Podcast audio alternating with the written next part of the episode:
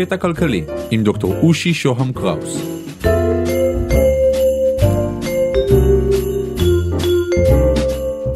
קטע כלכלי, פרק מספר 14, קרל מרקס, חלק שלישי, מרקס היום. שלום, כאן דוקטור אושי שוהם קראוס. אנחנו ממשיכים היום בפעם השלישית עם אה, יפתח, דוקטור יפתח גולדמן. שלום. שלום יפתח, תודה שבאת. בשמחה. יפתח, דיברנו בפרקים הקודמים על עולם של פועלי תעשייה ומפעלים גדולים וכבדים, והעולם שלנו שונה, אני חושב, גם אם לא בצורה מלאה, בטח בצורה חלקית ויפה. מרקס רלוונטי? על השאלה הזאת אנחנו ננסה לענות היום, וזו אכן שאלה מאתגרת, בכל זאת מרקס כתב לפני 150 שנה, בעולם שהיה מאורגן כלכלית ותעשייתית, אה, בצורה שונה מאוד אה, מזו שלנו, ואפשר, או יש האומרים, שהדברים של מרקס נכונים או לא נכונים, ממילא כבר לא רלוונטיים בתנאים של כלכלה אה, מודרנית. עם השאלה הזאת אנחנו ננסה להתמודד היום, אה, אבל נתמודד איתה אחרי שנאמר קודם כל שאכן חלק מהדברים שמרקס אמר כבר אינם רלוונטיים. אין אה, שום סיבה לקדש את מרקס, מרקס זה לא כתבי קודש, אה, ובהחלט צריך לבדוק מה רלוונטי ומה לא רלוונטי. אני אנסה להראות כאן שדברים מהותיים מאוד של מרקס לא רק שהם עדיין רלוונטיים בימינו, ייתכן אפילו שהם יותר רלוונטיים היום מכפי שהיו אה, בשעה שמרקס אה, כתב אותם. אני רוצה להתחיל, אנחנו נעשה את זה, ב, אה, ניגע בשלוש נקודות במהלך השיחה. אני רוצה להתחיל מקצת נתונים מספריים שיאזנו לנו את התמונה, משום שהרבה פעמים השאלה כל כך נפוצ... נפוצה היא בעולם של הייטק מה הרלוונטיות אה, של מרקס. נכון. אה, ובכן אה, בואו נאמר שעולם של הייטק, מהנדסי הייטק הם אולי שניים וחצי אחוז מכוח העבודה. בישראל.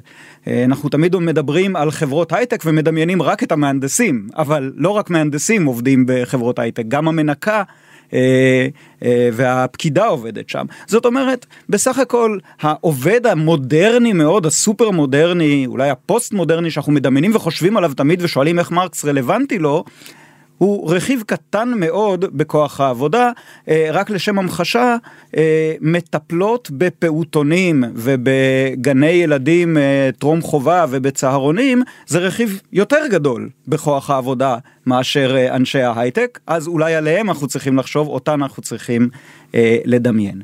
העובדים התעשייתיים הקלאסיים, העובד, התעשייה, מה שקראו פעם צווארון כחול, אכן היום במדינות המערב האחוז שלהם נמוך ממה שהיה בעבר, הוא עומד על סוג של 15, אולי 20 אחוז, בישראל אפילו פחות מ-15 אחוז. אה, בסין לעומת זאת זה 40 אחוז מכוח העבודה. אז אולי היום סין באופן פרדוקסלי היא המדינה שמהפכה קומוניסטית הכי רלוונטית עבורה אה, בכל אה, ארצות העולם. אה, אבל שוב, גם בארצות המערב, לפעמים 20% מכוח העבודה, או קרוב ל-20% מכוח העבודה, זה עדיין עובדי חרושת קלאסיים, הדברים עדיין רלוונטיים עבורם. אגב, לשם השוואה, בשיא התיעוש של אירופה, נניח בשנות ה-70, אה, זה היה 30 אחוז, זה לא היה 100 אחוז, זה תמיד היה רק חלק מכוח העבודה. אז זה היה 30 אחוז היום. זה 20 או 15. אה, כלומר גם אנשי שירותים רלוונטיים. יפה מאוד, ועכשיו אנחנו מוסיפים על אה, הענף המצטמק הזה של התעשייה, ענף עולה ופורח בארצות המערב של שירותים, של חינוך פורמלי ובעיקר בלתי פורמלי, של טיפוד, של טיפול, של סיעוד, אה, קשישים, ילדים וכן הלאה. ו... רוב גדול מאוד של העובדים במקומות האלה, במקצועות האלה, עובדים בתנאי ניצול דומים מאוד למה שמרקס תיאר, ושוב, אני לא אומר פה ניצול דווקא כאיזה קטגוריה מוסרית, אלא כקטגוריה כלכלית. כלומר, הם עובדים עבור מעסיק שגורף את הערך העודף מעבודתם, ואת זה הסברנו אה, ב, לדעתי בשיחה הראשונה שלנו. והכל רלוונטי כל מה שמרקס אמר, או רוב מה שמרקס אמר, לפחות הבסיס, רלוונטי אליהם בדיוק באותה מידה. אה, אם נדבר ככה בחלוקה גסה על אה, עובדים שעובדים במקצועות שדורשים אה, השכלה תיכונית ומטה, או עד, עד כדי אפס השכלה, זה 40% מכוח העבודה במשק מודרני, בכלכלה מודרנית. עבור ה-40% האלה אפשר לומר מרקס רלוונטי כפי שהיה אז. Uh, עוד 40 אחוז זה עובדים שדורשים איזושהי השכלה על תיכונית אבל לא אקדמית, מה שקורס לאחיות, uh, מה שהגששים קוראים, זה גם 40 אחוז וגם עבורם אפשר לומר שחלק גדול מהם, מן הסתם הרוב, מועסקים בתנאים שהניתוח של מרקס רלוונטי. אבל באיזה נשארנו, אופן הוא... רגע בוא נשלים את התמונה, נשארנו עם ה-20 אחוז האחרונים ש... אה, מועסקים במקצועות שדורשים הכשרה אקדמית ולגביהם אולי חלק מהעובדים אפשר לשאול עד כמה הניתוח של מרקס אה, רלוונטי עדיין יש לזכור רבים מהם בהחלט כן בשנים האחרונות בישראל שמענו יותר ויותר אני שמעתי יותר ויותר את המושג פרולטריון אקדמי. רצית לשאול. רציתי לשאול באיזה אופן זה רלוונטי, באיזה אופן מרקס רלוונטי לאנשים האלה. באופ- מה, לייצר, אמרת מהפכה קומוניסטית בסין, לייצר מהפכה קומוניסטית? אתה לא מתכוון Mm. אה, לדברים האלה. דיברנו קצת על המושג מהפכה בפודקאסט השני ש... שקיימנו אני רוצה להתחבר דווקא לפודקאסט הראשון. כן. מרקס רלוונטי באופן, באופן הבא, הניתוח הכלכלי שלו מנתח נכונה את ההוויה, את הוויית העבודה שלהם כעבודה מנוכרת ומנוצלת, כעבודה שעומדת בשירותו של אחר, תחת פיקודו של אחר, ורתומה בעצם כולה להפקת רווחים. זה הניתוח הביקורתי של הקפיטליזם שמרקס הציג באמצע המאה ה-19, והוא רלוונטי. והוא היום רלוונטי והנקודה הבאה שאני ארצה לטעון רלוונטי היום אולי יותר מכפי שהיה רלוונטי. באיזה. אופן מטפלת אה, או אה, מישהי שעונה בטלפון אה, לאנשים אה, עושה עבודה מנוכרת? בוא תסביר. העבודה שלה היא מנוכרת בכך שתוצר עבודתה לא שייך לה. היא לא עומדת ברשות עצמה בשעות העבודה, היא לא מקבלת החלטות. אה, על מה לעבוד ואיך לעבוד אה, ויש מי שגורף רווחים מעבודתה במובן הזה היא מנוכרת והיא מנוצלת ושוב אני מציע להבין את המושגים האלה רגע אה, בלי להטעין אותם באיזו הזדעזעות מוסרית אלא להבין אותם as is כגריפת העודף מעבודתה של אותה, או עודף התוצר מעבודתה של אותה עובדת, גם אם, העודף, גם אם התוצר הזה הוא לא מוצר בר קיימא, אלא, אלא שירותים. עכשיו, אמרתי קודם שבמובן מסוים אולי מרקס יותר רלוונטי היום מכפי שהיה בשעה שמרקס כתב. ואת זה אני רוצה להסביר. מרקס כתב בשעה שהקפיטליזם רק מתחיל את מסע הכיבושים שלו על פני אה, העולם כולו, אבל מרקס מתאר את הקפיטליזם כאילו השלים כבר את מסע הכיבושים הזה. זאת אומרת, מרקס עושה איזושהי אקסטרפולציה אל תוך העתיד של המציאות שהוא רואה לנגד עיניו. בשעה שמרקס אה, אה, כותב, עדיין הרוב המכריע של האזרחים באירופה הם איכרים. אבל מרקס מתאר עולם שנשלט לחלוטין על ידי הקפיטליזם ובמובן הזה הוא מתאר את העולם שלנו יותר מכפי שהוא מתאר את העולם של. שלו, של עצמו. עכשיו, למה כוונתי כשאני אומר שהעולם שלנו נשלט לחלוטין על ידי הקפיטליזם?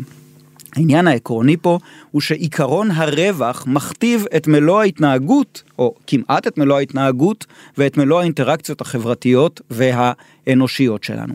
הכל, כל דבר, כל דבר שעובר בין בני אדם ויהיה איזה שירות או מוצר, הפך לסחורה. כלומר, הוא דבר שיש לו תג מחיר, אפשר לקנות אותו, אפשר למכור אותו, צריך לקנות אותו אם אתה רוצה להשתמש בו. אין כמעט דבר שאיננו סחורה. למה ה- זה בעיה? אה, אה, סיסמה הזאת מהשיר של שנות החמישים, The best things in life are free, היום היא פשוט לא אה, אקטואלית. אהבה הפכה לסחורה, אה, אימהות הפכה לסחורה, תסביר, מים הם תסביר, סחורה, תסביר. כל הדברים האלה שאנחנו זקוקים להם, או שאנחנו קונים אותם בכסף, או שאנחנו כדי לקיים אותם זקוקים להרבה מאוד אינטראקציות של קנייה המטפלת ומכירה. שמחליפה את אימא. המטפלת שמחליפה את אימא כשאימא כאילו. הולכת לעבודה ואלף אוקיי. ואחד דוגמאות. אנחנו קונים ומוכרים כל הזמן. אני אה, לתלמידים שלי הרבה פעמים אומר תעשו רשימה של כל הפעמים שבהם קניתם ומכרתם מאז שקמתם בבוקר. אני בדרך כלל פוגש אותם לקראת הצהריים. הם שוכחים בדרך כלל לשים ברשימה פתחתי את ברז המים כדי לשתות כוס מים. אבל זה צריך להיות ברשימה, הם שילמו על המים האלה. אה, מזגתי חלב במקרר, הם לא שמים את זה ברשימה, אוקיי? נכנסתי לאוטובוס, שילמתי, בכל רגע נתון אנחנו משלמים כמעט על כל דבר, וכדי לשלם כמובן צריך כדי לקנות צריך למכור, כדי לשלם אנחנו צריכים לעבוד, כדי שיהיה לנו אה, ממה לשלם, הכל הכל סחורה. אבל למה זה בעיה יפתח? אני מציע, אושי, שאנחנו לא נמהר מדי כל הזמן עם השאלה של הביקורת המוסרית. אני לא רוצה להציג פה ביקורת... אה... על קפיטליזם, לא ביקורת אוקיי, מוסרית? אני אדייק, אני כן רוצה להציג ביקורת מוסרית, אבל אני לא רוצה להציג ביקורת מוסרנית. אני לא רוצה להישמע... צדקני. אה, משהו, צ... אני לא רוצה, ומרקס קורא לזה הדוד המוסר והדוד הדת. אני לא הדוד המוסר, ואני גם לא הדוד הדת. הם, הדודות האלה מסתכלות על הקפיטליזם ואומרות...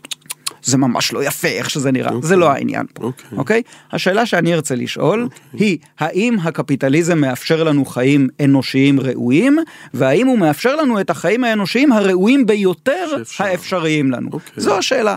ולכן להגיד מיד שזה לא יפה שאנחנו עושים הכל בקנייה ומכירה, אני לא רוצה להיגרר לפינה הזאת, אוקיי? כשאנחנו קונים ומוכרים, כאשר אנחנו מבצעים אה, אה, תהליכים כאלה של קנייה ומכירה, אנחנו בעצם משרתים את הרווח. וזו לא טענה מוסרית או מוסרנית, זו טענה שבעצם הקפיטליסט יאמר לך. אכן, המטרה של כל פירמה עסקית היא השאת רווחים, זה אפילו כתוב בחוק החברות בישראל, מן הסתם גם במקומות האחרים בעולם, וזה הגיוני מאוד, זה בלב ליבו של ההיגיון הקפיטליסטי. זאת אומרת שהמטרה העליונה של כל האינטראקציות שלנו היא הרווח. כל הדברים האחרים, כגון אה, הנאה, רווחה, מוצרים טובים, כיף, תרבות, בילוי, השכלה, you name it, כל אלה הם או אמצעים להשגתו של רווח, או במידה שהם לא מאפשרים השגת רווח הם צריכים להיעלם. כלומר, או שהם ימצאו דרך להפוך לרווח, כל הדברים האלה, או שיפסיקו להפריע, שיסתלקו מהדרך. עכשיו, כולנו יודעים שרווח כשלעצמו הוא מושג אבסטרקטי, אי אפשר לאכול רווח. אוקיי? כיכר לחם אפשר לאכול ועוגת קרמשנית אפשר לאכול, רווח אי אפשר לאכול, אי אפשר ללבוש אותו, אי אפשר לגור בתוכו, אי אפשר להתכסות בו וכן הלאה. במידה שאנחנו שמים את הרווח כמטרה העליונה, הרי שאנחנו בעצם מציבים כמטרה עליונה לכל הפעילות שלנו דבר שאנחנו לא יכולים לעשות בו שום שימוש, דבר שכשלעצמו לא נותן מענה לצרכים שלנו. במובן הזה אנחנו בלתי רציונליים. אנחנו מתנהגים באופן בלתי תבוני. במקום שהרווח ייבחן על פי השאלה האם הוא מאפשר לנו סיפוק הצרכים שלנו, האם הוא מספק את הצרכים שלנו בצורה טובה, סיפוק הצרכים שלנו צריך להתיישר לפי האינטרסים של הרווח. לדוגמה, תרופה מצילת חיים שפוגעת ברווחים של חברת התרופות, כי היא מחסלת את השוק, עלולה להיעלם מהשוק ולא לקבל הזדמנות אה, להיכנס לשוק משום שהיא פוגעת ברווח. אה, טנקים ומטוסי קרב זה עניין רווחי כל עוד יש מלחמות, אז כנראה צריך שיימשכו המלחמות. אה, ומצד שני יש לומר פעמים רבות מאוד האינטרס של הרווח מביא לשיפור ברמת חיינו, באיכות חיינו, במוצרים שאנחנו אה, נהנים מהם. אתה לא חושב שזה ברוב המקרים? אבל אה, אני חושב, א', אני לא חושב שזה ברוב המקרים, אבל למען האמת אף פעם לא שאלתי את עצמי את השאלה הזאת, האם אפשר למנות את כל הדברים שבהם עקרון הרווח כתוצאת לוואי משרת אותנו, ובמקרים שבהם עקרון הרווח כתוצאת לוואי, כי גם זו תוצאת לוואי, אה, הורס את חיינו. אני פשוט אבל... תוהה אם חברות תרופות היו מצליחות להתפתח ברמה כזו ולהגיע ל... רמות כאלה של אה, מחקר ושל תרופות, mm-hmm.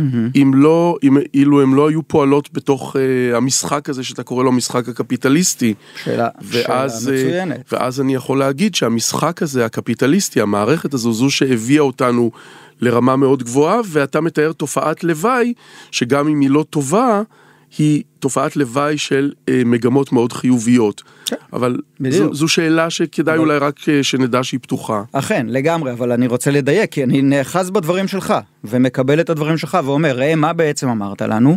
כדי שנשיג תרופות, אה, מכוניות טובות, אה, אה, וכן הלאה וכן הלאה, אנחנו צריכים להסתכל תמיד הצידה על עניין אחר, על הרווח. כן. אסור לנו להסתכל ישר למטרה.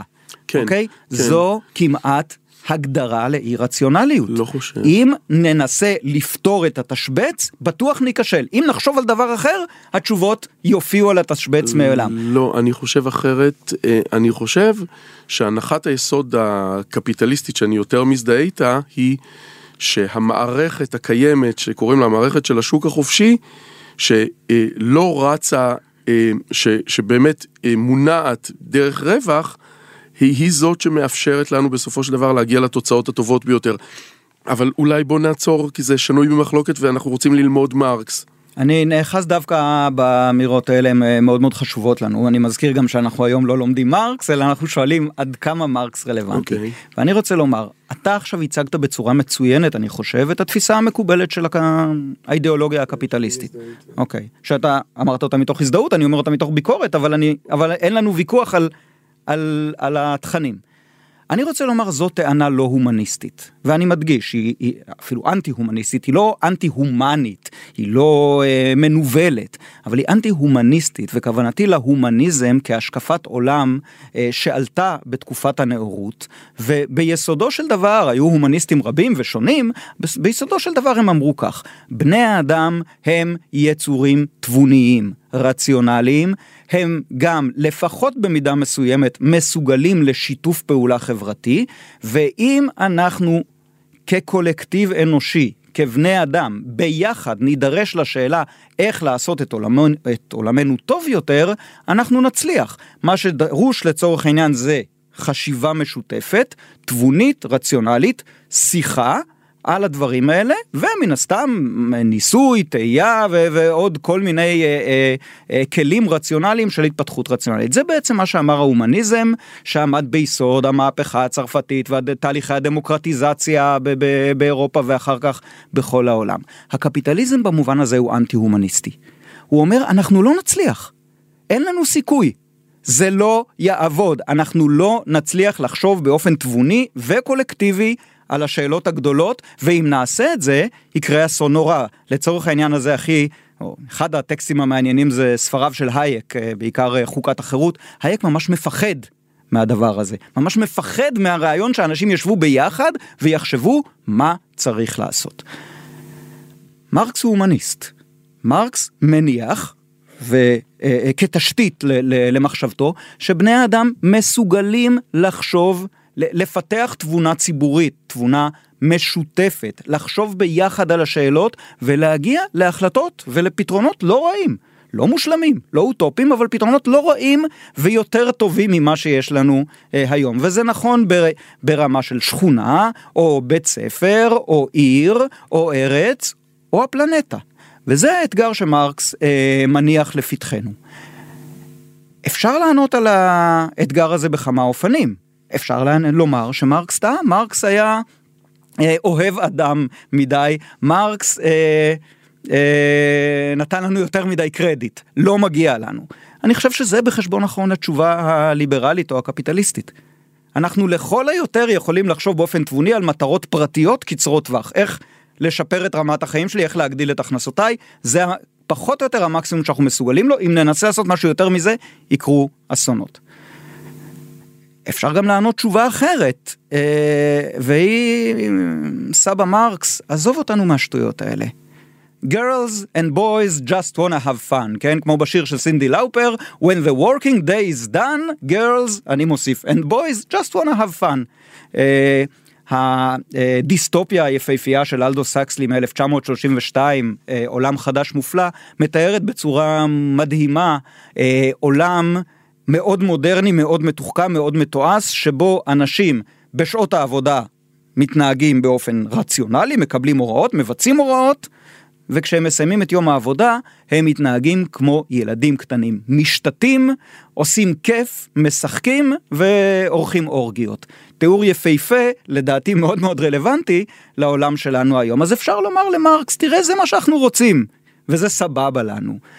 עם התשובה הזאת, אני לא בטוח שיש למרקס מה לומר, או יש לי כתלמיד ומורה שמנסה להעביר את אה, תורתו של מרקס מה לומר, פרט ללנסות שוב ושוב להאיר את עיניו של השומע לאפשרויות אחרות לחשוב על החיים האנושיים ועל מה באמת סבבה לנו.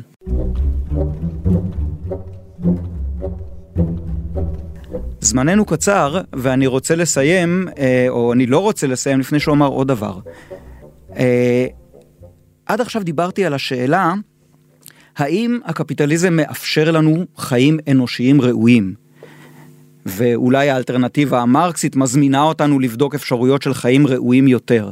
נדמה לי שבמחצית השנייה של המאה ה-20, וביתר שאת בתחילת המאה ה-21, אנחנו כבר צריכים לשאול את השאלה לא האם הקפיטליזם מאפשר לנו חיים ראויים, אלא האם הוא מאפשר לנו חיים. נדמה לי שהאיומים הנוכחים בעין על הפלנטה שלנו מתחילים להיות כאלה גדולים ששיטת השוק פשוט קצרה ידה מלהושיע, כאשר אנשים דואגים לאינטרס הפרטי שלהם, כי זה ההיגיון של השוק, הם לא יכולים לשאול את עצמם את השאלות הגדולות מאוד, שעכשיו דחוף מאוד שנתחיל לשאול אותן. למשל כדור הארץ וההתחממות וכאלה. אה, קודם כל, צריך לומר את זה, וזו סוגיה קשה וכואבת. הכמות הענקית של בני אדם על פני כדור הארץ. יש הרבה יותר מדי בני אדם על פני כדור הארץ, ואני לא ממליץ פה לפתור את זה באיזשהו אופן זוועתי.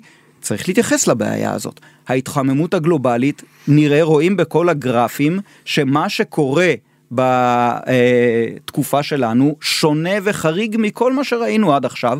אנחנו רואים את התוצאות האקולוגיות בקייצים עם גשם ובחורפים חמים וכן הלאה וכן הלאה. אפשר להמשיך להגיד This is not happening, הכל בסדר, הקפיטליזם ימצא פתרון. אפשר להגיד וואלה, הגיע הזמן להתחיל לחשוב אחרת. תודה רבה לדוקטור יפתח גולדמן. תודה, תודה רבה. איפה משיגים אותך? תגיד שוב.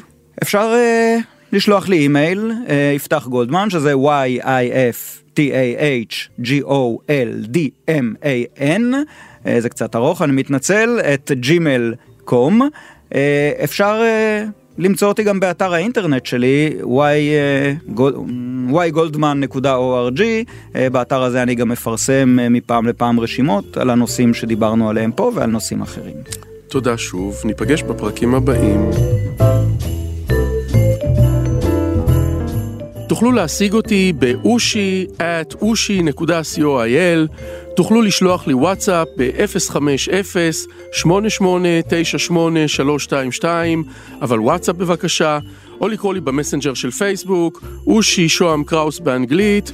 תודה לקווין מקלוד על המוזיקה, אני מרצה ומייעץ בתכני הפודקאסטים, להתראות בפרקים הבאים. thank you